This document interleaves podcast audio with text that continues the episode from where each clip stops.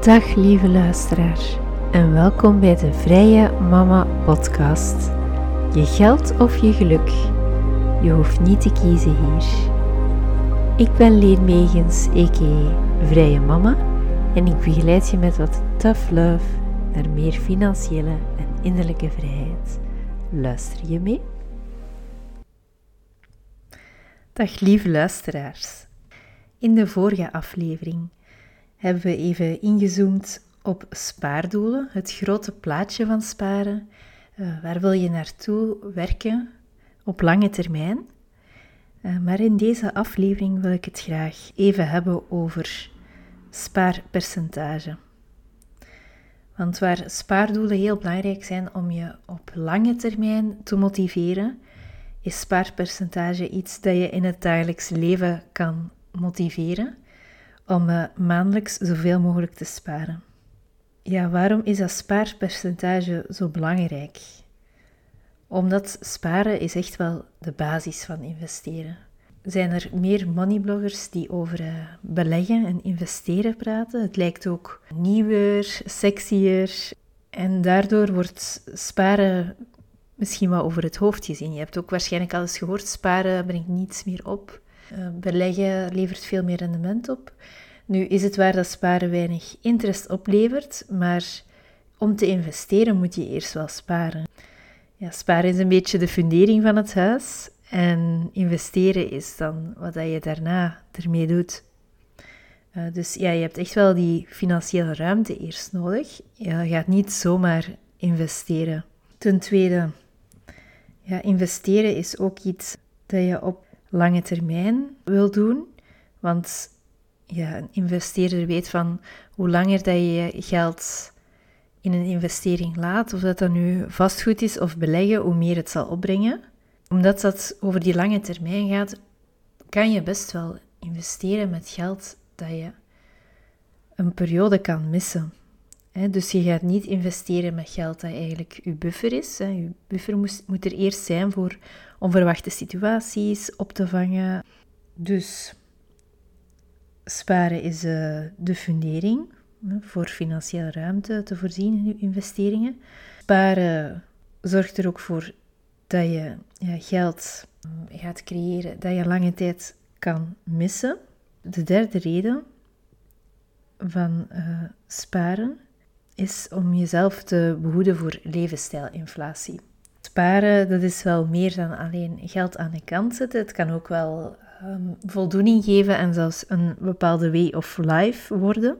Je hebt ja, in, in de FIRE-beweging, Financially Independent Retire Early, heb je daar nogal hardcore spaarders die echt zoveel mogelijk willen opzij zetten. Bijvoorbeeld als je nu wel wil werken, maar je wil echt zo vroeg mogelijk op pensioen gaan. Maar je hebt ook wel, ja, ik denk dat wij zeker niet in uitblinken en dat wij meer naar een evenwicht zoeken tussen nu ook genieten maar toch ook nu al besparen op de dingen die we zelf totaal niet belangrijk vinden. Maar dus die levensstijlinflatie, waar gaat dat over? Wat wil dat zeggen? Dat is als je eigenlijk een loonsverhoging krijgt of je haalt een rendement uit een investering, dan gaat het super aanlokkelijk zijn om ook meer uit te geven. En dat hoeft niet altijd aan luxe te zijn. Er zijn ook heel spaarzame mensen die nooit een, uh, een luxe handtas of zo zouden kopen, die dan wel...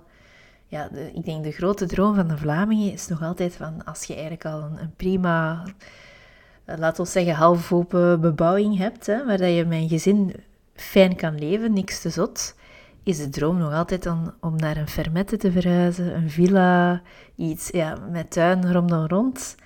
Dat is nog altijd de dream voor veel mensen. En dat is ook wel een soort van levensstijlinflatie. Hè? Dus ik keur dat zeker niet af of zo, maar besef wel van op, puur op het vlak van investeren. Of als uw grootste doel is om later wat minder te werken of om vroeger te stoppen met werken, gaat een deel van uw hoger inkomen of rendement wel verdampen in een grotere uitgave, een duurdere levensstijl. Zelfs als je jezelf niet ziet als iemand luxueus of dat je zelfs ook spaarzaam bent op bepaalde gebieden in grote uitgaven zoals wonen of boodschappen Of uh, ja, de nummer drie in de top drie uitgaven bij gezinnen is momenteel energie. Uh, soms is dat ook vervoer als energie terugbetaalbaar is. Dus als, ja, als je, je hoeft eigenlijk maar op één front eigenlijk veel duurder te gaan uitgeven om eigenlijk je, je loonsverhoging of je rendement ja, te laten verdampen. Dus ik denk dat dat oké is als dat echt je grote droom is. Je haalt er superveel geluk uit. Maar wees jezelf bewust van de evenwicht. Ik denk dat het op zich goed is eigenlijk al je geld uit te geven dat er binnenkomt. Maar ook omdat ja, alles went heel snel. Hè. Die, die nieuwe levensstijl gaat heel snel aanvoelen als een nieuwe baseline. Voordat je het weet, uh, heb je op verschillende vlakken je uitgaven opgetrokken. En het is veel moeilijker om terug te gaan naar ja, minder. Als is er zeker wel een beweging. Bijvoorbeeld in Nederland, waar de huizenprijzen heel hoog zijn, is er zeker en vast wel een beweging van gezinnen die downsizen gewoon om meer bij hun uh, kleine kinderen te zijn. Uh, er zijn zeker en vast mensen die van bijvoorbeeld een meer luxueuze woning in de stad of een grote woning naar terug een kleinere woning verhuizen. Um, en dat is ook wel iets om bij stil te staan. Um, het, het typisch levenspatroon is om ja, altijd groter te gaan. Ik geef nu dat huis als voorbeeld, omdat ik zelf uh, ook gefascineerd ben door vastgoed en programma's zoals Blind Gekocht en Huizenjagers. Hè. Dus ik versta die aantrekking. Maar dat kan even goed. Misschien is dat voor u auto's of gaan shoppen, kledij. Ja, droomt jij van bepaalde luxe vakanties? Het is moeilijker om terug te gaan naar minder of kleiner of minder luxueus als je eenmaal geproefd hebt, denk ik, van meer. Hè? Ja, dat kan zijn dat je echt een passie hebt uh, voor reizen of voor kunst of voor... En ja, probeer daar dan je uitgaven op te focussen op je absolute passie en ga besparen op de dingen die je minder interesseren of die je minder kunnen schelen. Oké, dus even een uh, zijsprongetje over levensstijl. Inflatie. Ik, uh, ik, voel dat zelf ook. Hè. Mijn, mijn man heeft wel een paar keer een loonsverhoging gehad of heeft wel promotie gemaakt. En dus ik wil mijzelf ook uh, heel erg bij de les houden van bijvoorbeeld ons boodschappenbudget niet te verhogen. Ja, ook een soort van blijk van waardering hè, voor het harde werk. Ja, dus dat zijn eigenlijk redenen van waarom is dat spaarpercentage belangrijk? Waarom is sparen de basis van investeren? Ja, sparen dat lijkt eenvoudiger dan investeren, als in minder complex. Maar is het gemakkelijker als in de gewoonte, de discipline opbrengen? Nee, zeker niet. Ik zou zeggen dat uh, pakweg passief beleggen, dat is eigenlijk iets dat je wel op twee weken kunt opzetten. Gewoon wereldwijde indexfondsen. Je moet een online broker kiezen die niet te veel kosten heeft. Je pakt een paar uh, wereldwijde indexfondsen. Je zet dat als automatisch uh, proces in gang, zoals dat je ook automatisch kan sparen.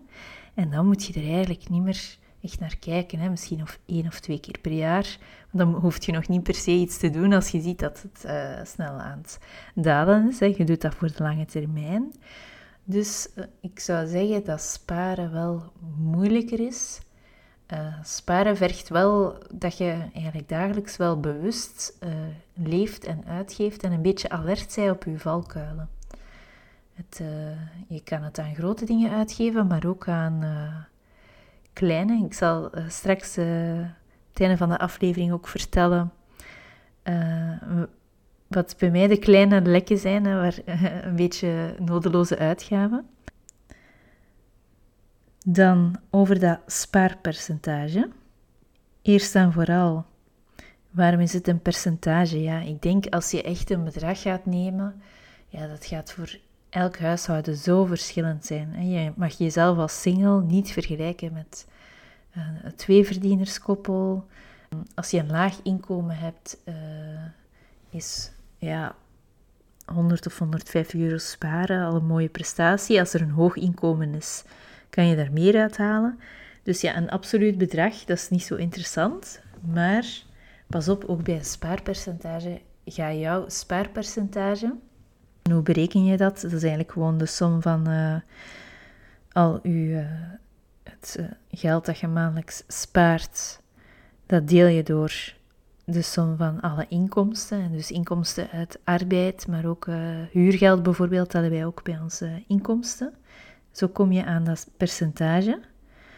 Maar ga dat niet vergelijken met een ander. Want als je een hoog inkomen hebt, uh, als gezin, bijvoorbeeld, uh, ja, pakweg 5000 euro of meer, dan zou het haalbaar kunnen zijn op termijn om, om te gaan naar ja, een derde sparen. Ja, 25% sparen, een derde een kleine helft als, als je nog een groter inkomen hebt. Terwijl als jouw inkomen heel laag is, dan is een laag percentage al prima. Hè? Dan is uh, 10% uh, al een heel mooie prestatie. Dus stel dat spaarpercentage voor jezelf als doel, maar ga het niet vergelijken met anderen. Dat hangt heel erg af van je inkomen ook nog uiteraard. Hè. Al minder dan een absoluut bedrag, maar het is nog steeds onderhevig aan de inkomenscategorie waarin dat je zit. En dan uh, wil ik graag al even delen wat ons spaarpercentage is voor september, oktober. We hebben zeker wel een doel om 25% te sparen en liefst op termijn nog wat meer. Waarom? Omdat wij natuurlijk die huurinkomsten, we zijn twee verdieners, ik werk maar halftijds, maar door die huurinkomsten erbij te tellen, komen wij ook wel in een uh, mooie inkomenscategorie. Dus willen wij zeker wel 25% sparen. Uh, momenteel de vaste spaarbedragen is ja, het huurgeld willen wij integraal sparen opzij zetten voor latere investeringen. En het uh, geld dat we sparen voor de lange termijn, dat gaat rechtstreeks naar een beleggingsrekening bij een uh, online broker. Uh, dat investeren we in wereldwijde indexfondsen, wereldwijd gespreide. Um, en het doel dat daaraan verbonden is, dat hoorde je ook in de vorige aflevering, is we willen enerzijds later de kinderen op weg helpen wanneer dat ze op eigen benen gaan staan of zelf een huis willen kopen. En anderzijds is dat voor ons dan ook uh, ja, uh, geld dat we kunnen gebruiken voor ons pensioen of een uh, vroeger stoppen met werken scenario. Dus ja, nogmaals die kanttekening. Um, dat wij niet de mega zuinige fire-adapten zijn, maar gewoon mensen die gewoon hun best doen en ook nog wel wat te leren hebben uh, ik zal voor mezelf spreken, ik toch. Hè? En wat uh, specifiek dan september en oktober betreft, uh, hoe zijn we uitgekomen bij die 25%? Ik heb even naar alle aparte potjes gekeken.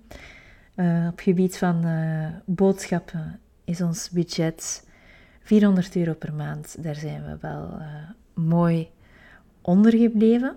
Um, dan ja, qua kledij, um, speelgoed en dergelijke, huisraad, meubels, uh, zijn we ook binnen het budget gebleven. Maar op dat vlak um, hebben we ook wel goede gewoontes geïnstalleerd. Hè. Ik kijk um, voor uh, speelgoed, uh, kinderkledij, ook mijn eigen kledij, meestal eerst op Vinted. En tweedehands.be heb ik bijvoorbeeld deze microfoon gekocht.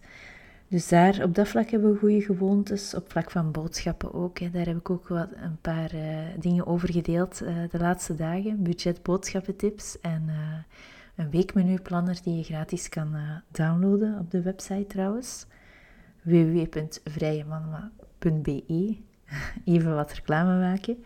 Maar ja, waar ben ik dan wel wat de mist in gegaan? Ja, september, oktober. Het was super mooi weer. Echt Indian summer.